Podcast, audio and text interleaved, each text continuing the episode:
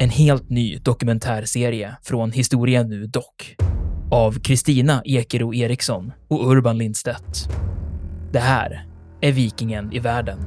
Vikingarna, de var inte något främmande folk. Sannolikt är det ett slags tempel, ett kulthus helt enkelt. Enligt legenden så är rykiderna skandinaver. Från skeppet och bränslet och slavinnan och hennes herre hade blivit till aska.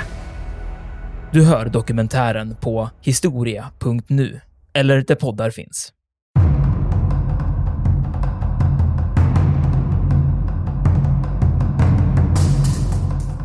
Och det är ju tanken att ett lokalt anfall faktiskt ska kunna mötas med ett kärnvapenanfall. Vi var ju inne på det här med taktiskt, att använda kärnvapen taktiskt. Och i Eisenhows värld så är ju idén den där just att använda kärnvapen för att möta ett, ett sovjetiskt anfall. Och i hela den här äh, doktrinen ligger ju nämligen att få ryssarna att förstå. Anfallar ni konventionellt, framförallt går in i Västeuropa, då kommer vi att sätta in kärnvapen.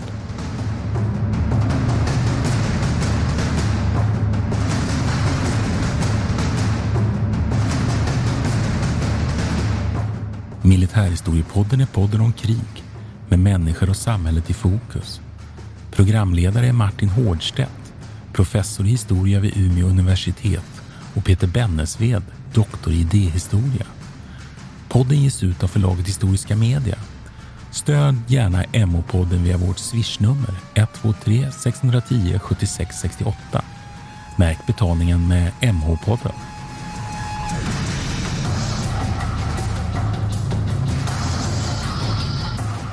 Hej, välkomna till Militärhistoria-podden. Jag heter Martin Hårdstedt. Och det här är Peter Bennesved. Hörru du, det finns ju en, en skillnad och en likhet mellan oss. Okay. Som ju, ja, lite anspelar till dagens tema. Det ena i alla fall. Det, det första är ju att jag är ju kalla krigare.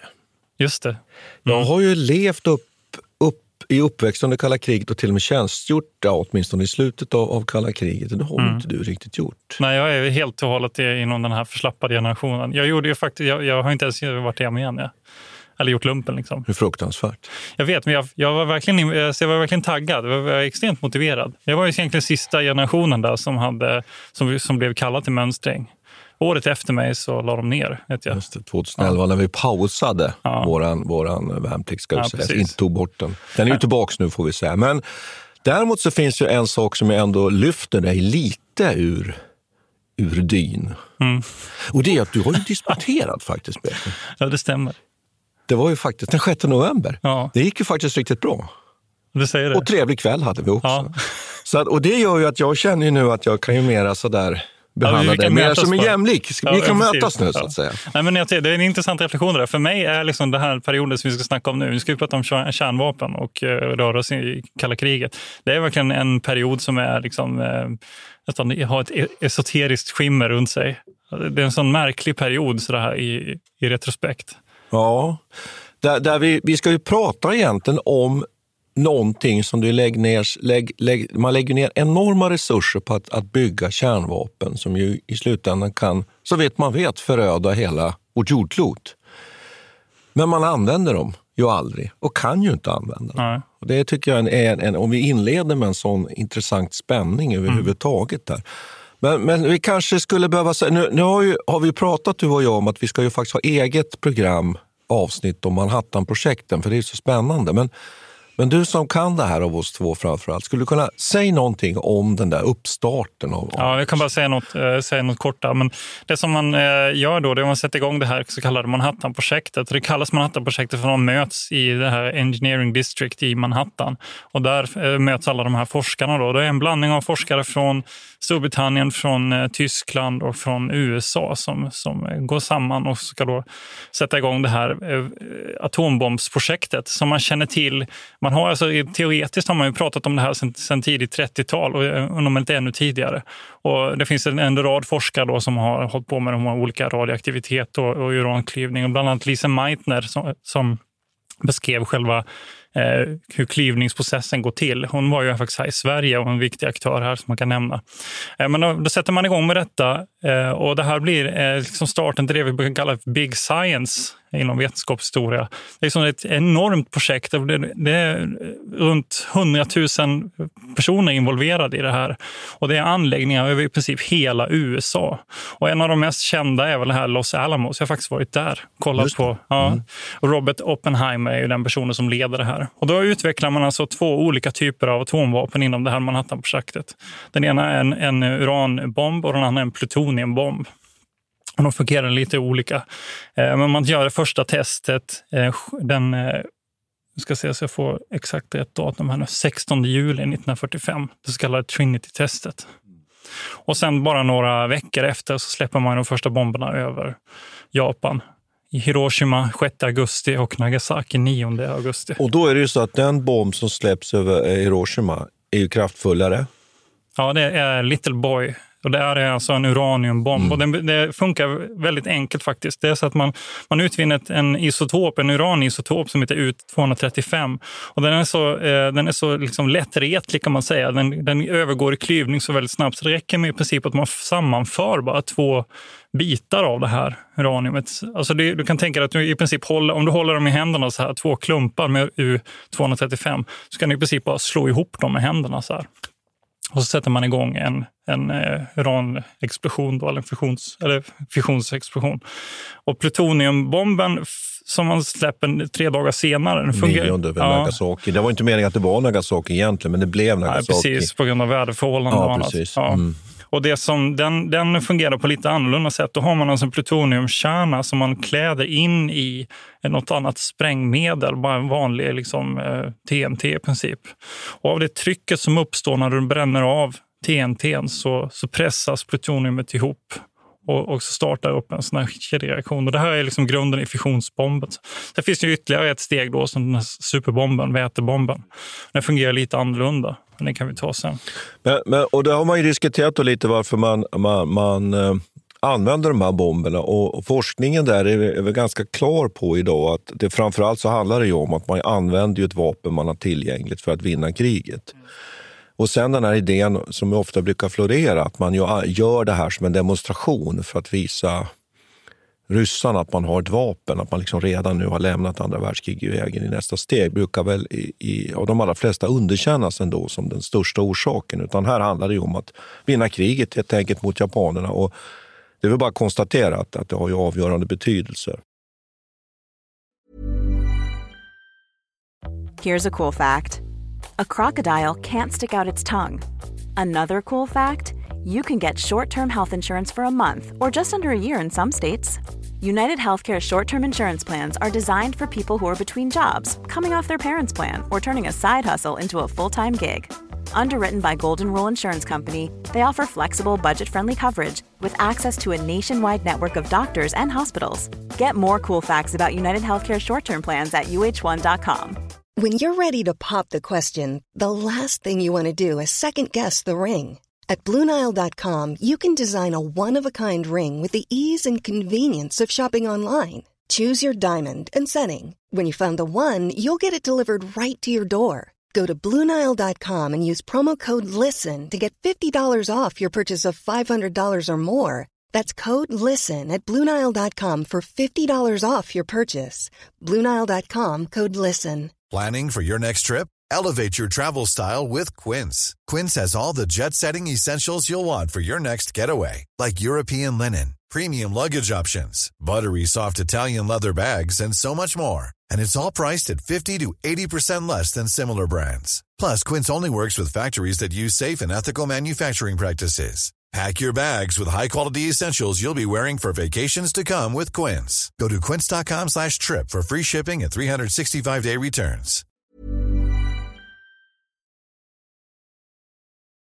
Det är lätt att få för sig att eh, så som vi ser på kalla kriget och eh, supervapnen som utvecklas senare, så tänker man sig att eh, man såg det här som ett supervapen redan då. Och det gör man inte riktigt, utan det här är fortfarande inom ramen för konventionell krigföring när man släpper de här bomberna. De är egentligen bara en, en, en liten marginell eskalering från den brandbombsbekämpning som man hållit på med i Japan över Tokyo till exempel, som var på många sätt mycket värre. Inte, inte kanske i form av radioaktiviteten som det som uppstår sen, men med själva liksom de, de, ja, brandstormarna, ja. och de, de har vi ju även i städer som Dresden. Och det beror ju Absolut. på helt enkelt att stor, det kan ju in, upp, uppträda även i skogsbränder. Så att Mm. den effekten, och den, den, den inträffar ju även med en, med en, Visst. atombomb. Sen är det väl också så att de här, av de här två bomberna som släpps över Japan, det är ju så att vinden ligger på ett sätt att, som jag har förstått saken också, det mesta radioaktiviteten driver faktiskt ut till havs. Så man får ju inte riktigt den där vad ska vi säga, radioaktiva effekten av dem som man kanske har tänkt. Och Det kan man ju tycka nu då, det är, för, förfärligt. För att, Jag vet inte om de tänkte på det faktiskt. De Nej, det tror jag inte de så tänkte på. mycket. Utan, utan Ja. jag tror precis som du säger att man använder de här som kraftiga bomber i Ja. stort sett. Ja, det var en helt och hållet ekonomisk vinst. Ja. Alltså istället för att skicka tusen flygplan då med konventionella bomber så kan man skicka ett Ja. flygplan, Enola Gay som det hette då, med, med en bomb och få uppnå exakt samma effekt. Det är också så man ser på det i Sverige de här första åren efter 1945. Så det är liksom ingen, ingen som föreställer sig att det kommer utvecklas till de här superbomberna vid det här skedet. Nej, och sen vet jag inte om man är riktigt medveten om radioaktivitetens eh, betydelse här och fara. Absolut inte. Man har ju soldater som står och tittar i samband med de här provsprängningarna Mm. också som ju sen blir kontaminerade och får ju skador och sjukdomar på grund av radioaktivitet. Så man var väl inte helt medveten Nej, absolut. Alltså kunskapen om radioaktiviteten, för det första hålls det hemligt av, av USA Eh, under de första åren och sen så, så framträder ju det här i, som någon slags global diskussion först under mitten av 50-talet eller efter eh, den här incidenten med Little Dragon, med den här lilla fiske, japanska fiskebåten eh, som, med ett gäng fiskare som blir kontaminerade av, på grund av de här eh, supervapentesterna som man utför. Och det är egentligen då som man börjar, som världssamfundet så att säga, börjar få insikt i vad de här sakerna faktiskt betyder och vad, vilken effekt radioaktiviteten har. Mm. Men, men sen är det så att man informerar ju ryssarna och det gör man ju på Potsdamkonferensen faktiskt 1945. Så ryssarna vet ju att det finns ett kärnvapen. Men det tar ju nu några år innan ryssarna kommer ikapp. Mm. Eh, och det, det där tycker jag är så spännande att man, man ser ju nu möjligheten att demobilisera armén, plocka ner den efter andra världskriget. Och det, det, det är ju ett, ett, ett op- opinionsfrieri naturligtvis. Varför kan man ta hem soldaterna och minska de konventionella styrkorna så är det fantastiskt. Och så har man då istället ett, ett egentligen förhållandevis billigt vapen, då, kärnvapen, och man har ju kärnvapenmonopol. Och det är en intressant period det där, men det håller ju inte så många år. Det gör det ju inte, men då bygger man ju upp en doktrin inledningsvis som ju handlar om att man har kärnvapen och det har inte ryssarna. Men de här kärnvapnen som jag har förstått, de, de är ju väldigt otympliga. Mm. Ja, de väger ju runt tre ton en sån Ja. här minst i alla fall. Och vapenbäraren nu inledningsvis är ju det strategiskt tunga bombflyget. Mm. Det ska man ju komma ihåg. Man har inte utvecklat ännu då de här interkontinentala raketer, missilerna och man har inte utvecklat ubåts... Ja, det är precis, det är bärtekniken här som egentligen är den avgörande. Hur man Ja. ska liksom leverera de här bomberna. Och hur man ska få Mm. att fungera på, på ett ganska snabbt sätt.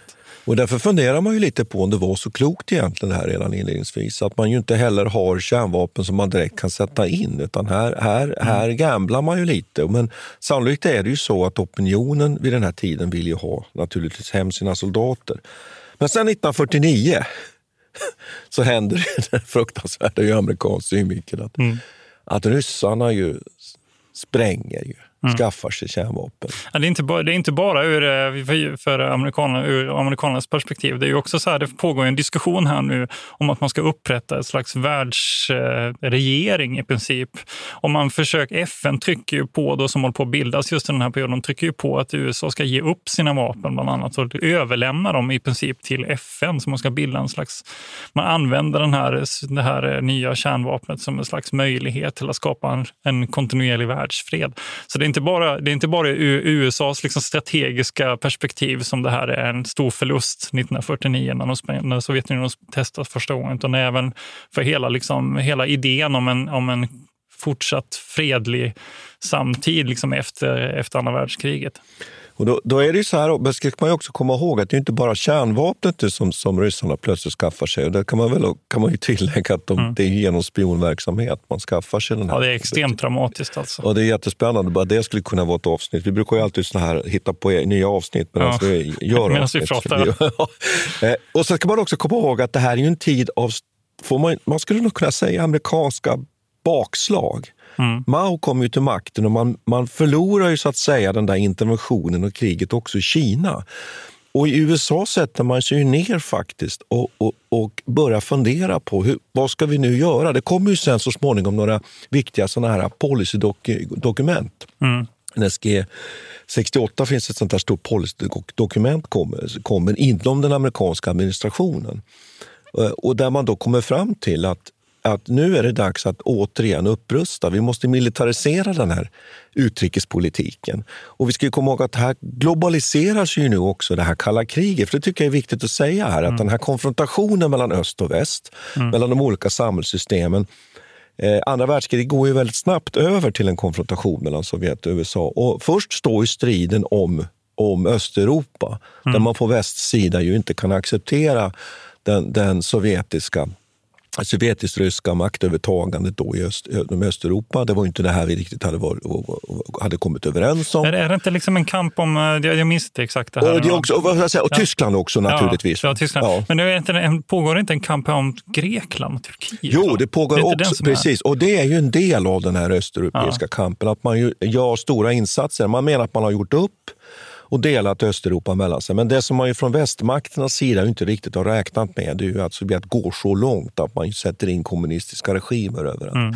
Och man brukar säga att slutet på den här processen är 1948, den så kallade Pragkuppen då man över, överflyglar det som vi kallar för, kallade då för Tjeckoslovakien. Då, och det blir en kommunistisk stat. Och man bygger upp, eh, ja, Sovjet bygger upp alltså en buffertzon i Europa. Och Sen är man ju oenig om, om Tyskland och vi behöver inte gå in på det här mer mm. det, detalj. Men det är ju den perioden. Och sen kommer ju eh, Koreakriget. Mm. Och där inser man ju från amerikansk sida, man har ju tänkt att lägga ner marinkåren bland annat. Den har man ju tänkt att helt enkelt avveckla. Okay.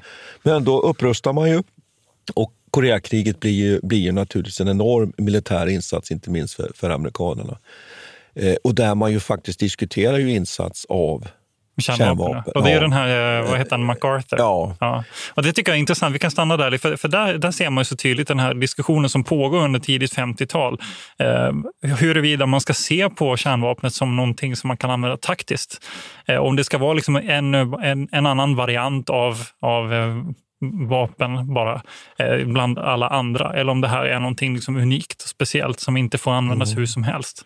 Nej, för här finns en spänning. Vi, vi har mm. varit inne på de här begreppen i våra avsnitt. Att det här taktiska är ju egentligen, om man ska hårdra det, så handlar det ju egentligen om slagfältet. Alltså i den här eh, stridssituationen, att man nyttjar då eh, kärnvapen taktiskt på så att säga, den allra lägsta nivån, eller på operativ nivå, som är ju nästa nivå när vi pratar om krigföring. Och sen så har vi den där strategiska nivån. Och då handlar det ju om att, liksom bom att, att bomba eh, stora befolkningscentra, industri, att, så att säga, skicka motståndaren tillbaka till, till stenåldern om man uttrycker sig så. Va? Ja, framförallt sådana här landningsbanor och flygplatser ja. och sånt som kan användas strategiskt. Ja. Och, och, det här är ju en spänning då, där mm. man kan kanske tänka sig att när i det här fallet nu Kina, och det ska, ska man ju säga att forskningen har visat med, med starkt understöd av Sovjet, ju genomför sin stora motoffensiv under Koreakriget. Det kan man ju säga att, att först Nord, Nordkorea tar Sydkorea, amerikanerna gör en insats, trycker tillbaka Nordkorea. Mm. Kina, Kina gör, intervenerar och går över Julijfloden. Där funderar man ju just på det här med en insats då, taktiskt av, mm. av kärnvapen för att få stopp på det här. Det intressanta är ju att här händer ju någonting och egentligen då så, så kan man väl konstatera att det där idén om att man skulle kunna ta ner de konventionella styrkorna till förmån för kärnvapen. Den där balansen mellan mm. kärnvapen och konventionella styrkor är någonting som ju genomsyrar egentligen hela kalla kriget. Mm. sen. Man kan ju säga någonting också om de här vapen som man då tänker sig något taktiskt, det, något taktiskt perspektiv. Det är ju inte riktigt samma typ av vapen, samma storlek på dem som man då släpper över Hiroshima och Nagasaki till exempel. Och det här är mycket mindre varianter då, som man i princip kan sätta i, i, en, i en, eh, en artilleripjäs eller någonting sånt där. Och de är alltså runt eh, mellan 1 till 2 kiloton som man då utvecklade i slutet av 50-talet. Men, det, men det, så de är liksom väsensskilda från de här megastora eh, strategiska vapnen. Alltså. Ja. Mm. Och Sen kan man väl säga att, att, en annan sak som jag tycker är spännande, dels är den här spänningen mellan de här konventionella styrkorna och kärnvapen. Alltså vad ska man satsa på? Och med konventionella styrkor menar vi ju naturligtvis stridande förband på det mm. vanliga sättet om man uttrycker mm. sig så. Då. Eh, det är den ena spänningen. Den andra är ju väldigt intressant, att hur ska man bära de här eh, missilerna? kärnvapen, stridsspetsarna, vilken typ det än är. Och där kan man väl säga att generellt är det så att, att USA lägger ju inte alla ägg i samma korg, som man brukar uttrycka det, utan man har ju en balans mellan landbaserade missiler. Som ju så småningom utvecklar man ju tekniken att man helt enkelt kan ju skjuta från amerikanskt fastland till, mm. till europeiskt fastland. Ja, den stora vinsten här är faktiskt också en mm. rent vapenteknisk. Mm. Man, man, man upptäcker att om man bygger, ett litet, bygger in ett litet luftutrymme mellan de här. Alltså man fortsätter med den här Fatboy-varianten i princip, där man kapslar in alltså en kärna. Ja, ja. Precis. Och, man, och då upptäcker man att om man har ett liten luftspalt här emellan så mm. hinner själva trycket koncentreras på, med någon slags högre effekt. Exakt hur det här fungerar kan jag inte svara på. Men det gör att du kan ha en betydligt mindre eh, bomb. Du kan ha en mindre kärna och mindre sprängmedel med, med någon slags... De, de ska, den här kärnan ska sväva här inne på något vis. Mm. Men det gör att man kan minska då storleken på de här bomberna från tre ton då, som de tidigare varit. man bara, ett, ett flygplan kan bara ha ett visst, väldigt begränsat antal sådana här bomber då, ner till runt 500 kilo. Samtidigt som man då ökar effekten då upp till 400 eh, eh 400 kiloton då, som är ungefär, vad blir det, 4, 40 gånger större än eh, Hiroshima-bomber till exempel. Och det gör ju att man helt plötsligt kan sätta de här bomberna på en interkontinental ballistisk missil. Mm. Och så kan man säga att de här vapenbärarna som man var inne på, dels är de här landbaserade, men, men sen bygger man ju USA Dels har man sitt strategiska bombflyg. Där är B52 sen så småningom, framför allt då på, på 60-talet, kommer bli så väldigt viktig. Där är den fortfarande i tjänst? Då? Ja, det finns fortfarande. Och där man bygger upp då ett stort antal, såna här hundratals B52 stora strategiska bomber som ju bara egentligen har en uppgift och det är att lyfta in de här eh, kärnvapenmissilerna över sovjetiskt, eh, ryskt territorium. Men också att man i USA snabbt utvecklar ju ubåtsvapnet. Mm. Och det är ju väldigt intressant, för när vi kommer sen och börjar prata om de här olika doktrinerna så spelar ju de där väldigt betydelsefull roll. För de ger ju det som man brukar säga andra slags förmåga. För de där är ju svåra att ta, ta rätt på för, för motståndaren. Men jämför man här Sovjets strategi så är den ju under hela den här tiden egentligen mycket, mycket mera fokuserat på de här landbaserade missilerna i större utsträckning. Och att, att ryssarna jämnar väl ut det här mot slutet av perioden. Men att man åtminstone under 50, 60 och 70-tal så är man ju väldigt, har man väldigt många ägg i den landbaserade korgen om man säger så. Det är också intressant för det pågår en liten strid här mellan de här olika grenarna. Polaris-programmet som du pratade om. Ja, det är ju, man, det är ju ubåts, ja, det, precis, det amerikanska ubåtsprogrammet. Ja. och de har ju runt vad är det, mellan 200 och 400 missiler under mitten av 60-talet som de skulle kunna använda. Och de, är i, de kan i princip användas som first strike också. Och de är betydligt billigare jämfört med de här ICBM som, som landbaserade. Då. Så att det pågår lite av en strid här mellan Polaris-programmet och SAC, då, Strategic Air Command, som har, som har hand om... Eh, och för de vill inte förlora sin position som de har byggt upp sen, sen eh, eh, tidigt 50-tal. Men, men marinen då, de, de menar ju att de i princip skulle kunna lösa alla uppgifter som behövs till ett billigare pris och till mindre med mindre missiler egentligen. Och nu är vi inne på en diskussion, vi, vi, vi kanske ska säga det att vi introducerar ju lite begrepp här nu, lite mm. förvirrande, med det här med första slags förmåga och andra slags förmåga. Mm. Ska vi beta av lite sådana här nu? Ja, och, men jag ska bara säga att sen ska, måste vi också ta den här, du är ju inne på någonting här med försvarsgrenarna också. Alla vill ju ha kärn, kärnvapen, för det är viktigt. Och den här konkurrensen mellan de amerikanska försvarsgrenarna är ju väldigt spännande. Eh, och att man också i USA bestämmer sig för att ha ett sammanhållet organ som har kontroll över de här kärnvapnen. Så att det blir på sätt och vis egentligen en egen försvarsgren, skulle man kunna säga. Eh, men det är spännande också att där, mitt i det där finns ju också det här eh, militärindustriella komplexet som vi har ju anledning att komma tillbaka till, tror jag, här, och dess betydelse. Men ska vi ta lite klassiska såna här doktriner? Ja. ja. Och då kan man ju säga så här att amerikanerna börjar återupprusta ordentligt då med Koreakriget, inför Koreakriget 49 och framåt. Och det som gäller där är ju, det, den doktrin man har där, det är ju den massiva vedergällningen. Jag tycker de här, får, Massive får man, retaliation. får man säga att de är härliga de här? Det är förfärliga saker vi pratar om. Men nej, men de, jo, men, det, ja, men det här, just det här, eftersom de aldrig används kan vi... vi kan, ja, ja, eftersom det aldrig har blivit något kärnvapenkrig. Men det, det, det är ju, det man, man vet inte liksom om man ska skratta eller gråta när man nej. pratar om det här. faktiskt. Det är lite så faktiskt. Och det är ju tanken att ett lokalt anfall faktiskt ska kunna mötas med ett kärnvapenanfall. Vi var inne på det här med taktiskt, att använda kärnvapen taktiskt. Och I Eisenhows värld så är ju idén den där just att använda kärnvapen för att möta ett, ett sovjetiskt anfall. Och i hela den här doktrinen ligger ju nämligen att få ryssarna att förstå. Anfaller ni konventionellt, framförallt går in i Västeuropa, då kommer vi att sätta in kärnvapen. Sen, och, och, USA har ju ett klart kärnvapenövertag. Mm. Det är väldigt viktigt att vi kommer ihåg det. Sen skickar ju ryssarna upp Sputnik 1957 och då utbryter ju panik på amerikansk sida, eller överhuvudtaget i västvärlden. En panik som ju helt eh, saknar proportion. Och man, man köper ju också Chrustjovs tal om att man nu har x antal, att man är kapp, att man har. Och man börjar ju tro på den här missil, missilgapet. Missile gap, ja. precis. Ja. Som ju visar sig sen så småningom vara en, en bluff. Och Eisenhower går ju inte på det här faktiskt, för att han litar ju på underrättelseinformationen man har med U2. Och Vet ni, har du sett Dr. Strangelove? Det måste du ha gjort. Ja, det är fullständigt galet. Det var länge sedan, men det är ja. helt galet. Men där skojar de ju med mm. det där missile gap och så pratar de om det, det shelter gap. Just en det. slags, uh, under, eller om det är underground gap. Jag vet inte minst vad de kallar det. Ja. det, men det, den, den diskussionen fanns också. Ja, men man får väl komma ihåg också här när vi pratar om sådana här saker, att det opinionen tror på, det på något, blir på något sätt verkligt och styr politikerna. Så det som händer under Kennedy och, och McNamara, det är ju att man sätter igång en man sätter igång en enorm upprustning.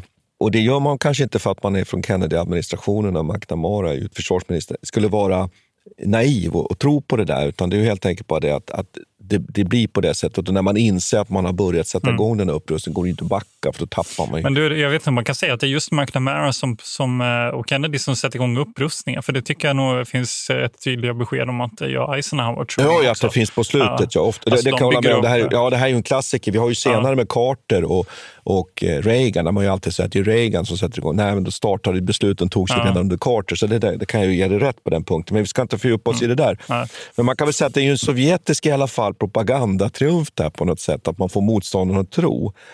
Och Ryssarna skaffar sig de här interkontinentala missilerna under den här perioden. nu. Och det är det som är rädslan med Sputnik. Ja, precis. Förklara det. Ja, vad sjutton ja. alltså, har de nu möjlighet att skicka de här kärnvapnen med raketer, robotar ända in på amerikanskt fastland. Det är där, det är där så att säga. Den här. Och Jag tycker, då, för, för, det, ja. är ju inte, det är ju en enorm eh, prestigevinst för, för Sovjetunionen att man kan visa upp den här förmågan. Och, och eh, jag bara, vad som, säger, som en koppling till vår samtid är att de faktiskt döper sitt nya coronavirusvaccin till Sputnik 5. Har du tänkt på det? Nej, det har jag inte tänkt på, men, men det är ju klart att det här Sputnik är ju, ja. är ju, är ju nästan som en gudomligt väsen visst. på något ja, sätt. Men visst, alltså, Gagarin är ju närmast en, en liksom, han är ju en ikon av närmast religiös proportion i Ryssland. Men du vet väl vad Jurij Gagarin sa när han kom tillbaks? Ja, det var någonting, nej, jag, jag tror jag vet. Från rymden. Ja. de frågade honom om ja. han hade sett Gud. Nej, han, han hade ju inte sett Gud där uppe, så att han finns ju inte. Så. Men det är kanske ett sidospår i det här avsnittet. Jag, vet ja. inte, jag tycker det är väldigt roligt i alla fall. When you're ready to pop the question, the last thing you want to do is second guess the ring. At BlueNile.com you can design a one-of-a-kind ring with the ease and convenience of shopping online. Choose your diamond and setting. When you find the one, you'll get it delivered right to your door. Go to Bluenile.com and use promo code LISTEN to get $50 off your purchase of $500 or more. That's code LISTEN at Bluenile.com for $50 off your purchase. Bluenile.com code LISTEN. There's never been a faster or easier way to start your weight loss journey than with PlushCare. PlushCare accepts most insurance plans and gives you online access to board-certified physicians who can prescribe FDA-approved weight loss medications like Wigovi and Zepbound for those who qualify. Take charge of your health and speak with a board-certified physician about a weight loss plan that's right for you. Get started today at plushcare.com slash weight loss. That's plushcare.com slash weight loss. plushcare.com slash weight loss. This is Paige, the co-host of Giggly Squad, and I want to tell you about a company that I've been loving, Olive and June. Olive and June gives you everything that you need for a salon quality manicure in one box. And if you break it down, it really comes out to $2 a manicure, which is absolutely insane. It's also so easy to get salon worthy nails at home with Olive and June. The difference between how your nails used to look when you did them yourself and now with the Manny system is a complete game changer. The best thing about Olive and June too is it's a quick dry, dries in about one minute, lasts for five days, and full coverage in up to one to two coats. Visit oliveandjune.com slash perfectmanny20 for 20% off your first system. That's oliveandjune.com slash perfectmanny20 for 20% off your first system.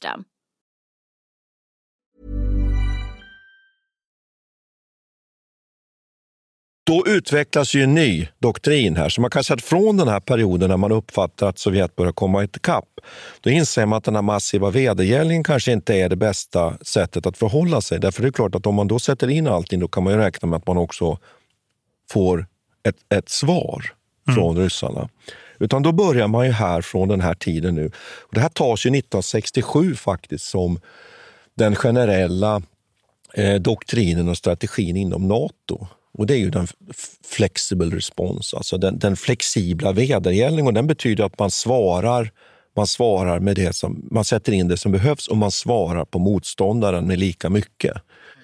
Eh, samtidigt kan man ju fundera lite kring det här. Jag tycker jag tycker att det betyder att man ska inte automatiskt ta till kärnvapen, utan man ska liksom möta med samma medel. Samtidigt måste jag säga att det här tycker jag är jättespännande. Därför att nu är vi inne på, tycker jag, kärnan i kärnvapenproblematiken. Den är ju att man spekulerar ju i stort sett egentligen bara. För vad vet man egentligen? Här har vi ju plötsligt ett, ett vapen, mänskligheten har skaffat sig ett vapen som inte går att använda. Och vad är det för mening med en doktrin då? Visst. Och det är det här, vi har ju faktiskt en före detta kollega som har studerat det här. Thomas Karlsson han har skrivit en väldigt intressant avhandling om de här så kallade låtsaskrigen. Och det är, de kommer ju, alltså det är egentligen olika typer av spel då, som mm. man testar för att pröva de här olika scenarierna. Det finns ju en väldigt känd författare som heter, jag vet inte vilken typ av forskare han var, men Herman Kahn som, mm. Mm. som skrev under 70-talet och, liksom räkna på hur många miljoner människor som skulle dö eh, i olika eh, typer av scenarier och eh, vilken sida som skulle vinna och så vidare. Och, så och, det, och de blir ju så väldigt centrala i den här situationen då eftersom vi inte kan, vi kan inte testa för så fort vi testar så är det slut på allt. Det, det, är jäkligt fascinerande. Man, man undrar ju också, finns det någon eh, liksom, historisk jämförelse ens? Kan, vi ens liksom, kan man ens närma sig någon slags historisk jämförelse? Finns det något annat fenomen som, som har de här egenskaperna? Nej, jag, jag, jag tänker när du sitter och, sitter och pratar så tänker jag direkt på, på, på Karl von Clausewitz och ja. hans teorier om liksom kriget som väsen. Det är så ja. intressant. Han har ju en hermaneftisk syn, som det brukar heta, på, på vad krigföring är. Alltså inte en väldigt mekanisk och lagbunden eh, syn på vad krig är. Och han, han har ju alltid pratat om att, att krigföring är ju en, en förlängning av politiken. Och det man funderar på, funderar på här i kärnvapen, eh, under kärnvapenepoken, och den lever vi fortfarande i, ska vi komma ihåg. Det får vi inte glömma förresten heller. Va? Den är ju att, är det meningsfullt att säga att kriget kan användas som en förlängning av politiken? Nej, därför när man sätter igång den där förlängningen, man uttrycker så, det här verksamma instrumentet i utrikespolitiken, då, det vill säga kriget, då slutar det ju med jordens undergång. Mm. Och då blir det ganska meningslöst att, att prata om en sån att, att uttrycka sig så. på Det, det finns sättet. ingen politik efter helt Nej, enkelt. det finns ingen politik efter, efter. Och det tycker jag är så spännande. Då, att alla de här olika doktrinerna, och funderingarna och teorierna man har i den här perioden, det bygger egentligen bara på stora antaganden av hur motståndaren ska agera. Och Jag tycker också en annan sak, att man, man vet ju bitvis väldigt lite om motståndarsidan. Vi sitter nu och pratar om olika doktriner. Vi pratar om det amerikanska kärnvapenprogrammet. Vi pratar mycket mindre om det sovjetiska och det är därför att man ju hela tiden liksom har vetat mycket mindre om den sovjetiska sidan. Idag vet vi något mer. Men hur tänker man på, på, på rysk sida när det gäller det här? Det är väldigt spännande. Och Sen tycker jag det är problematiskt att ryssarna och Sovjet har ju hela tiden ett konventionellt övertag i Östeuropa. De har helt enkelt större mängd konventionella styrkor. De är starkare när det gäller stridsvagnar, när det gäller artilleripjäser, när det gäller soldater. Och kan det ha varit på det sättet att, att amerikanarna ju och västmakterna i övrigt ju helt enkelt var helt fel ute? Mm. Ja, men eh, visst. Det kan man absolut säga. Det är ja. Eisenhower får ju, han har ju ganska stor skuld i detta som är så helt fokuserad på mm. egentligen att man ska undvika krig genom deterrence enbart med kärnvapen. Ja. Och Det finns ju röster i hans kabinett hela tiden som påpekar här att vi måste, vi måste öka anslagen till de konventionella styrkorna för att kunna möta Sovjetunionen i mer begränsade liksom, eh, krigsfall. Bland annat Suezkrisen är ju en sån här situation då man inser ganska snart att ja, men, eh, framtidens krig eh, kommer ju inte vara liksom den här den mest osannolika. Vad är det Kennedy säger? Då har det där. Det är det mest osannolika. Vi har rustat oss för det mest osannolika kriget. Ja, vi, alltså ja. Kennedy som, som arg, arg, arg, ja. arg och kritisk senator ger sig på Eisenhower-administrationen och säger så här att vi, vi, vi rustar för det krig som med minst sannolikhet kommer att utkämpas.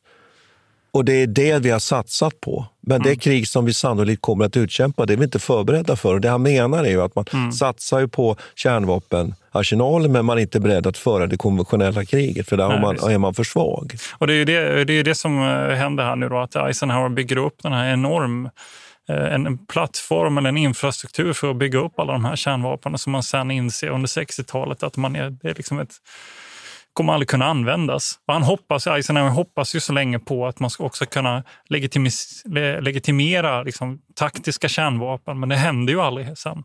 Nej. Och Det är också en fascinerande aspekt av det här. Det, det, det, eftersom de aldrig används eh, så, så, så, blir det ju som någon slags kollektiv överenskommelse mm. runt om att vi inte ska att vi, att vi inte kan använda dem. De, de, de tappar mm. liksom sin, sin taktiska eh, ska man säga, funktion mm. eftersom de blir moraliskt omöjliga. Mm. Och Sen bygger, byggs det upp såna här olika zoner, va? också kärnvapenfria zoner ja. som bidrar till det här, ja. bland annat i Latinamerika. Och även här i mm. Norden har jag för mig att man kommer överens om såna här eh, Ja, det är ju en stor sak där till exempel för sådana mm. NATO-länder som, som Norge och Danmark att man ju eh, mm. inte vill ha förhands stationerade ja, kärnvapen. Och det är ju en av grunderna till den här kända ubåtskrisen i Sverige också. Att eh, den mm. stora nyheten är ju att Sovjetunionen faktiskt glider runt i Östersjön med kärnvapenbestyckade ubåtar. Ja, på ganska risiga ubåtar. Får ja. jag, jag tänkte föra in en annan sak som jag tycker man kan också komma ihåg. att att i USA och Sovjet har ju naturligtvis kärnvapen. Sen sprids ju så småningom den här tekniken till världen. Och Det där är ett stort problem. Och Många av de avtalen som ju kommer till under den här perioden, vi ska inte gå igenom dem, de handlar ju om att man inte vill sprida kärnvapentekniken. Men man kan väl konstatera att britterna skaffar sig ju ubåtsbaserade kärnvapen. Som är, de, är, de är oerhört starkt, de är starkt knutna till amerikanerna naturligtvis och beroende av amerikanerna. Och kan man säga inordnade i den amerikanska kärnvapenarsenalen. Fransmännen går ju däremot en egen väg. De har ju egna kärnvapen och så, som ju komplicerar relationen till Sovjet och bryter ju på något sätt den här, eh, den här kontrollen. Terrorbalansen blir ju mer komplicerad när man plötsligt då i Europa har en, en, en, tredje part som agerar självständigt och som har kontroll över sina egna kärnvapen. Och det, det är ju typiskt för den franska utrikespolitiken med de Gaulles sätt att förhålla sig till omvärlden. Och där kan vi resonera om, om i ja, timmar, alltså. men det ska vi släppa. Sen kan man väl säga att Kina så småningom skaffar sig Längre fram också vet vi att länder som Indien, Pakistan, även Israel förefaller ha, mm. har, mm. har, har inte provsprängt, men har. Eh, sen har vi också, i, mer om jag uttrycker så, mer i vår egen samtid, så har vi sådana länder som Iran, Nordkorea och sånt. Men mm. det intressanta är just det här att, att man, med, med spridningen, att det, mm. också, det ökar ju problematiken. Som du säger. En del har ju hävdat däremot att det bästa vore om alla hade kärnvapen. Ja, då utgår man ju från det faktum då att de kommer att användas. Ja, så skulle jag vilja säga. Men det blir problem. Ja. Men jag tror att det, den, den rådande känslan och uppfattningen är att man inte vill att stater som är tvivelaktiga har eh, har kärnvapen. Men, men, vi jag vill säga, får jag säga en sak ja. om, om, det där också? För att jag tycker att det där, återigen, jag tjafsar mycket om Eisenhower, men även där har han faktiskt lite av en skuld. För det är han som satte igång det här Peaceful Atoms-programmet.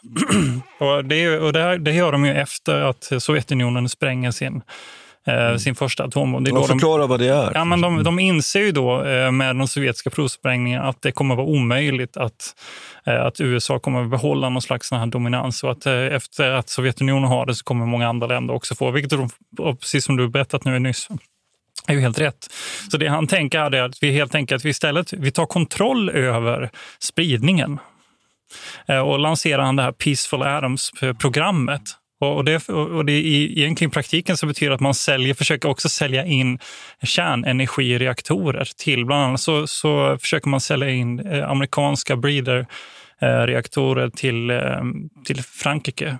Men de Gaulle vill gå den här egna vägen. Så han, De Gaulle vill ja, inte det, då. Han vill ha Mm. de här grafitvarianterna istället. Eh, men- och, och så, så bildar man den här eh, Atomic Energy Commission.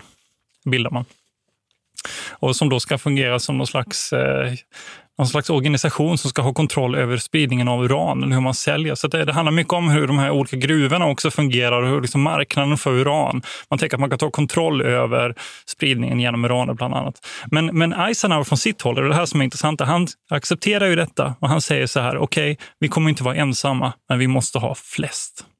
Så det är där, det är där han börjar satsa på att börja bygga upp den här amerikanska infrastrukturen för att bygga upp alla de här tusentals olika kärnstridsspetsarna. Och det där fortsätter för att amerikanerna har ju ett, ett, ett övertag när det gäller, eh, inte bara kvalitativt, det har de ju under hela kalla kriget, det kvalitativa, alltså kvaliteten på sina vapen, men också kvantitativt. Och det uppvägs ju inte så småningom förrän under 70, 70 mot 80-talet. Då.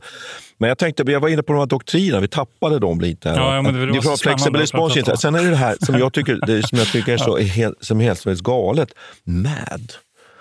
Att man också har en idé om att man måste uppnå någon sorts mutual assured destruction, alltså den här ömsesidigt garanterade förödelse, förstörelsen. Att man, man diskuterar såna här saker, att om vi kan skapa den där situationen, med, då kommer ingen att vilja använda kärnvapnen. Och Det här tycker jag är en inbyggd, ett inbyggt vansinne i de här doktrinerna, Nämligen att man, ska, man skapar de här vapnen och sen säger man så att de är jättebra därför att ingen kommer vilja använda dem. Och Den fråga man ställer sig här hela tiden är att, att man tar ju en stor risk. Men där är ju frågan, vad, vad ska man ha för grundläggande uppfattning? Är det så att kärnvapnen skapar en terrorbalans som stabiliserar världen? Det skulle man väl kunna säga idag när, när geopolitiken är tillbaka och vi ju väldigt, har väldigt osäkra spelregler i världen. Att det på något sätt så skapar ju de här skapar ju de här kärnvapnen i en terrorbalans som, som, som ger ett, ett, en, en grundförutsättning att vi kan inte ge oss in i stormaktskonflikter och sätta in Nej. kärnvapen. Att Ja, på då- sätt och vis lyckades det så lyckas, och det Ja. kan man ju säga att det faktiskt lyckas. Ja. Och Sen tycker jag att, att det är också intressant att, att, att det finns ju två dimensioner. Den ena är ju den här att, att man ju det handlar ju om det här spelet på det utrikespolitiska planet. Men det inrikespolitiska planet är lika intressant för det, det kommer vi tillbaka till här hela tiden. Och där tycker jag att en sak som vi måste lyfta och prata om det är ju det här, du var inne på kopplingen till den civila kärn, mm eh, eh, kärnkraftsprogrammet skulle man kunna uttrycka det. Va? Det ska vi, vi lämna därhän, men det, det industriella militärkomplexet i USA är ju väldigt spännande. Som ju Eisenhower avrundar ju sin mandatperiod med att varna för detta. Ja. Och där kan man ju fundera kring, är det så att det driver det här? Det finns ju de som menar att det är på det sättet. Jag är inte helt övertygad om det.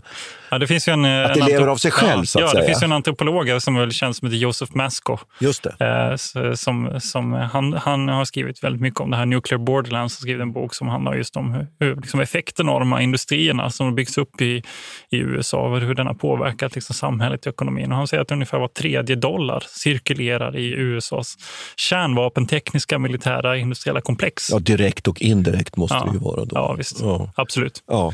Så det är ju en enorm del av deras ekonomi överhuvudtaget som har byggts upp. Mm. Och det är lite lustigt egentligen att Eisenhower varnar för det här, trots att det är han själv som till, till stor del har satt igång det också. Jo, jo. Eh, Men sen tänkte jag också att man skulle kunna säga att just det här med andra slags förmågan. Ja, precis. Vi måste reda upp det där. För, för, för, för, för att säga, den, den där grundläggande problematiken här Ja. nu är det att man å ena sidan kan förstöra sin motståndare, men man kan inte värja sig från att bli förstörd själv. Nej. Och det, och det man jobbar ju hela tiden för det är att ha den där andra slags förmågan. Vi har varit inne Mm. på att ubåtsvapnet blir väldigt betydelsefullt där, för de är väldigt svåra att slå ut initialt av motståndaren.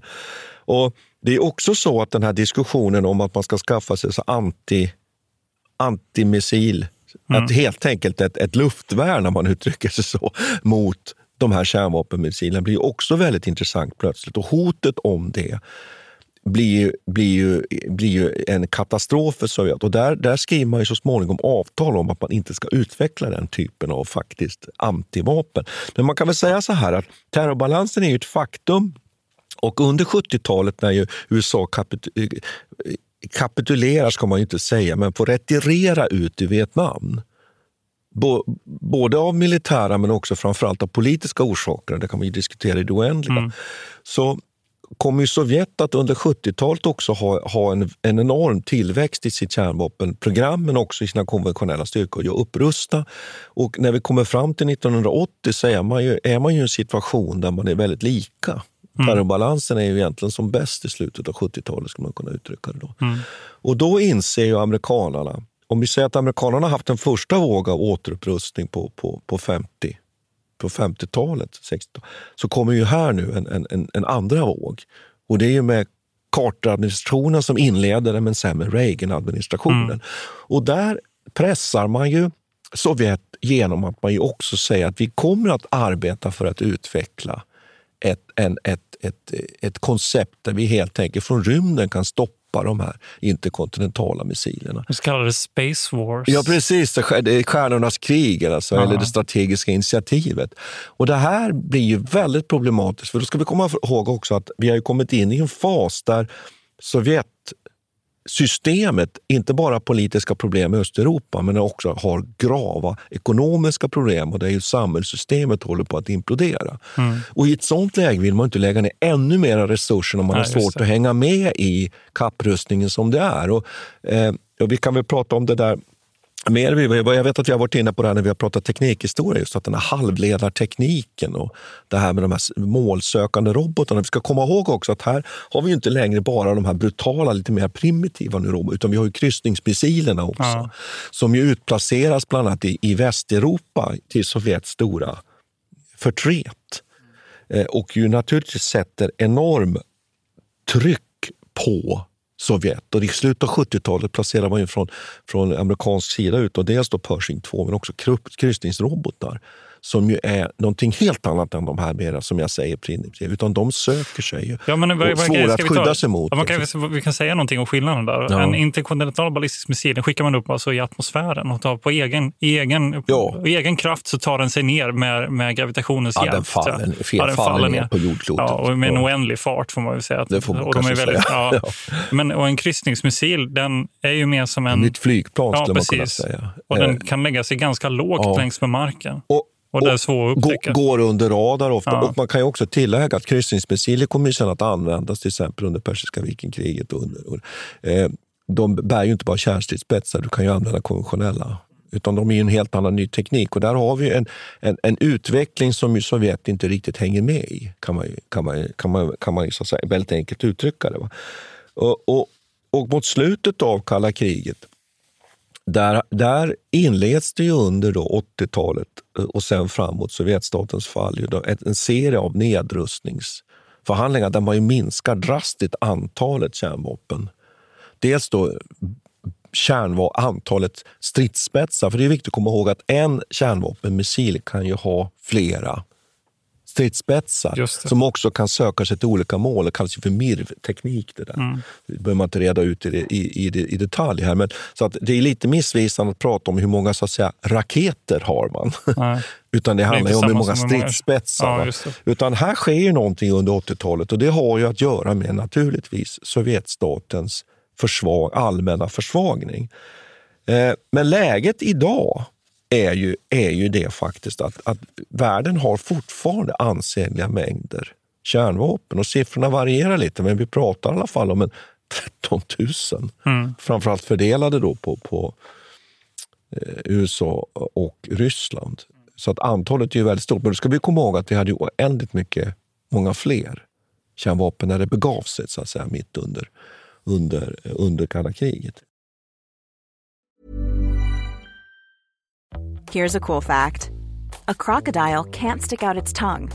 Another cool fact, you can get short-term health insurance for a month or just under a year in some states. United Healthcare short term insurance plans are designed for people who are between jobs, coming off their parents' plan, or turning a side hustle into a full time gig. Underwritten by Golden Rule Insurance Company, they offer flexible, budget friendly coverage with access to a nationwide network of doctors and hospitals. Get more cool facts about United Healthcare short term plans at uh1.com.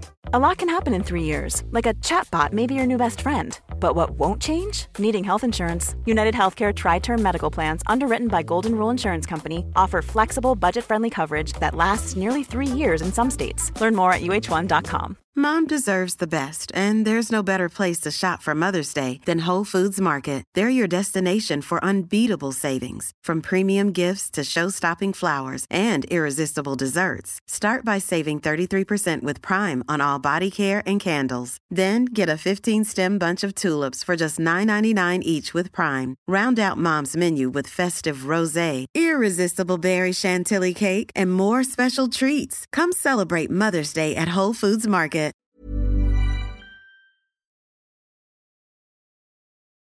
Det finns ju de eh, vetenskapshistoriker och kulturhistoriker också som, som eh, har hävdat att det faktiskt, trots att de här aldrig användes, så finns det de som ändå hävdar att man kan säga att det ändå pågick ett slags tredje världskrig. Eh, om man tittar på till exempel hur mycket radioaktivitet som har spridits ut av de här olika, olika spårämnena, strontium, som har, cesium och allt vad det nu är. Och man kan ju mäta detta och det ser man att det finns en väldigt stor spridning globalt sett. Och det har ju att göra med att de här kärnvapentesterna som har genomförts. Och nu pratar vi, jag tror att det är mellan 2 500 upp till 3 000 olika tester man genomförde. Och de flesta av dem var ju amerikanska då som utfördes i Badaöknen och eh, Ibland i atmosfären, ibland under, ofta under jord under senare perioden, men även ute i bikiniatollerna.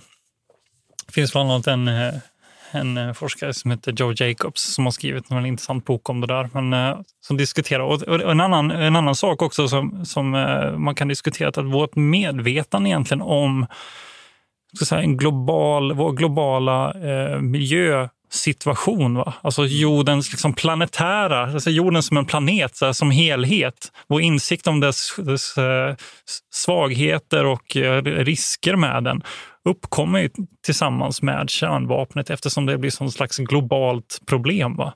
Speciellt i samband med radioaktiviteten. Det är någonting som bland annat Josef Mersko skriver om. att Här ser vi faktiskt grunden i den miljödiskussion som vi har idag. I och med att man började spåra de här eh, radioaktiva ämnena, hur de, hur de gled runt. Jag vet att eh, här över Sverige till exempel så kom det ju in ämnen från ryska, sovjetiska kärnvapentester bland annat. Jag vet det finns en skröna uppe i Abisko om att det snöade gul snö efter deras tsarbomba 1961. Som för övrigt är världens största eh, sprängda atombomb. just Man kan väl nämna här att, att man, det är en process också i reglering av de här kärnvapenproven. Och bland mm. annat på västsidan så skrev man ju avtal då 1963, det är ju Sovjet och USA, om ett, ett partiellt då, sånt här kärnvapenprov. Eh, stopp mm. som du säger. Men, men man, Var inte det till Undénplanen? Kallas inte den Undénplanen? Ja, det finns, jo, det finns en kop koppling till, till, till svensk medling. Ja. Det, det som är intressant också här tycker jag är att atmosfär testerna plockas ju bort så småningom, för de är ju mest problematiska. Men man testar, både frans, fransmännen och, och ryssar testar ju atmosfär sina kärnvapen ganska långt fram i tiden, ända fram, fram till, till 1980 och fransmännen fram till 1974. Men så fortsätter man ju med de här underjordiska, underjordiska testerna.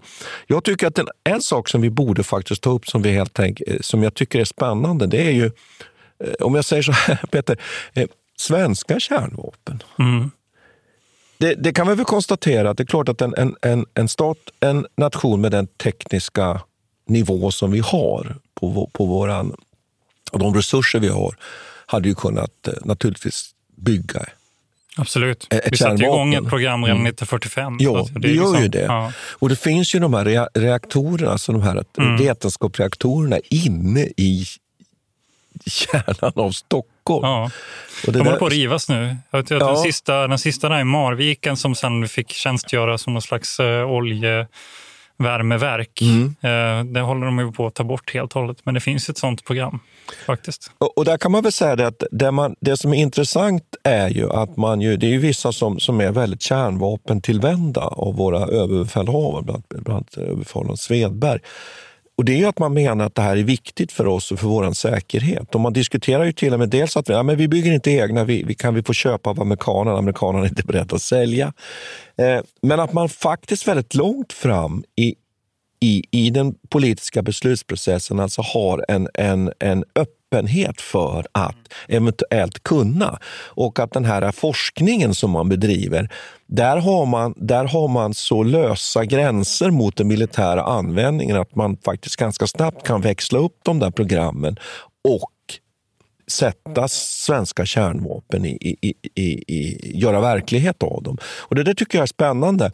Nu är det många kanske då som förfäras över att Sverige hade kärn... Jag tycker inte att det är så egentligen konstigt. Det är ju en del av den tiden. Nej, Nej men precis, men man resonerade på samma sätt som Eisenhower gjorde här också. Att om man, eh, till så här, man kan eh, ut, byta ut rätt mycket av sina konventionella styrkor mot ett sånt här kraftfullt liksom, vedergällningsvapen istället. Och det är lite av problemet också då som man målar in sig lite av ett hörn den svenska armén genom att hävda att man behöver det och sen så när man inte får det så, så har man helt plötsligt suttit och, och pratat i tio år om att ens konventionella styrka inte spelar någon roll. Men då måste man satsa på dem ändå. Så de eh, bygger in sig lite i en, i en rävsax. Men det är ju samtidigt som du säger, jag tror det är först 1965 som man bestämmer slutgiltigt att man inte kommer satsa på det. Att man till och med tar bort ja. den här, vad ska vi ja. kalla lite lösa for, formulerade jo, det. Jag tror att det kallas S-programmet som, ja. som bedrivs inne på FOA. Mm. Och det, är skydds, det bedrivs skyddsforskning kallar ja, man det. Det är jättespännande att man kallar det för skyddsforskning mot ett kärnvapenanfall, men att i det ligger möjligheten att själva kunna sätta, sätta igång en produktion. Lite spännande det att, att, att kunna kommentera då, vad hade vi då för vapenbärare? Jo, det är ju stridsflygplanet Lansen, så de ja. fick inte vara för tunga. Ja. Och också diskuterar man ju Viggen ska kunna lyfta, lyfta de här. Mm. Eh, och, och finns också planer på att man är intresserad av den här tekniken som vi var inne på ganska inledningsvis, här, att man ska kunna med artilleripjäser skjuta de här. Men det, det, finns också mycket som är väldigt mycket osäkerheter kring det här och, och letar man information om det här bland annat på nätet så hittar man väldigt mycket det kan vi säga då spekulativa idéer om de här svenska kärnvapnen. Men jag tycker att det spännande är att Sverige också är en del av den här tiden. Absolut. Där man tror på kärnvapen, kärnvapen. Och det man skulle ha gjort då, det var ju, då diskuterar man ju så här på svensk sida, om vi nu pratar liksom om det operativt taktiska här. Då, att sätta in dem över vattenytan mot en landstigningsstyrka som är på väg från Östersjön, från Warszawapakten, det är inte så stor idé, för det hade man inte fått så stor effekt. Utan det man hade gjort då, det var ju att man skulle ha bombat de här ilastningshamnarna eh, bland annat i Polen och i dagens Baltikum. Jag skulle faktiskt vilja hävda så här, utifrån min egen forskning kring eh, skyddsrummen här att Sverige faktiskt är med i en slags kapprustning också. Men att man eh, istället för att bygga de här skydds... Eller för säga, eh, fullfölja det här skyddsforskningsprogrammet. Och, Till kärnvapen då, ja, så att precis, säga. Ja. Så, så fullföljer man istället en slags eh, nedgrävning av hela Sveriges militära förmåga. Men som i princip har, har funktionen att den ska skydda mot den här first mm. strike effekten. Jo, jo. Och, och därigenom ha en slags deterrence funktion. Ja, jag tänker direkt, ja, ja en andra slags förmåga. Ja, När vi kryper exakt. upp i våra skyddsrum exakt. eftersom vi har flest i världen. Då, så att säga. Och Sverige ja. är ju väldigt skickliga på det. Både militärt och civilt så bygger mm. vi ju ner eh, bygger enorma. Vi har ju faktiskt Sveriges, eller världens största skyddsrum för, för den civila befolkningen i Stockholm. Klara klara garaget mm. som tar, ska ta upp mot 20 000 personer den här perioden. Och Sen tycker jag också att kärnvapenhotet finns ju levande i hur den svenska krigsmakten organiserar sig. Förlåt, Katarinaberget. Ja, Katarinaberget. Katarinaberget. Jo, att, att man ju bygger just så att säga, åt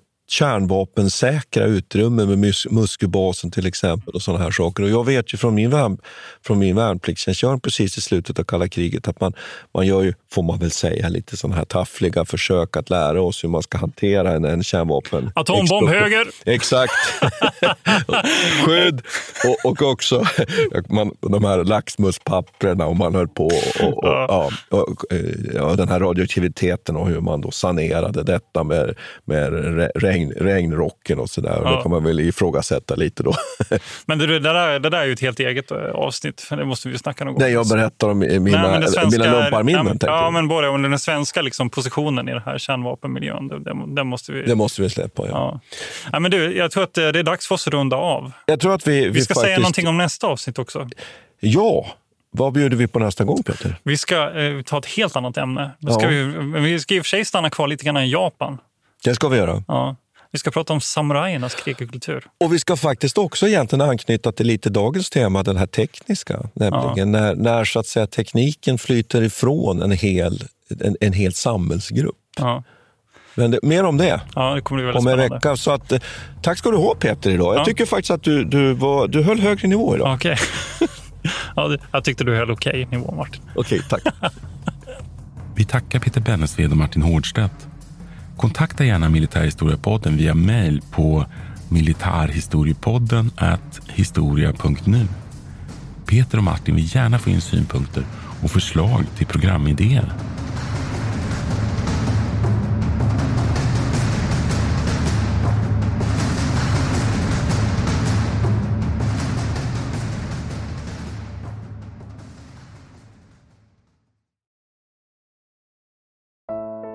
Iran har under 1900-talet genomgått tre omvälvande revolutioner som orienterat landet antingen mot västerlandets modell eller mot en auktoritär styrelseform.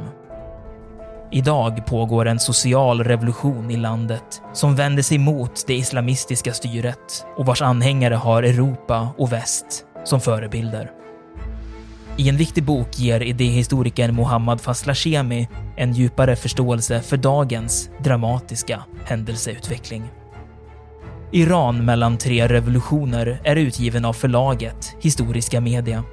Beställ den fysiska boken på förlagets hemsida historiskamedia.se eller köp den i en bokhandel nära dig.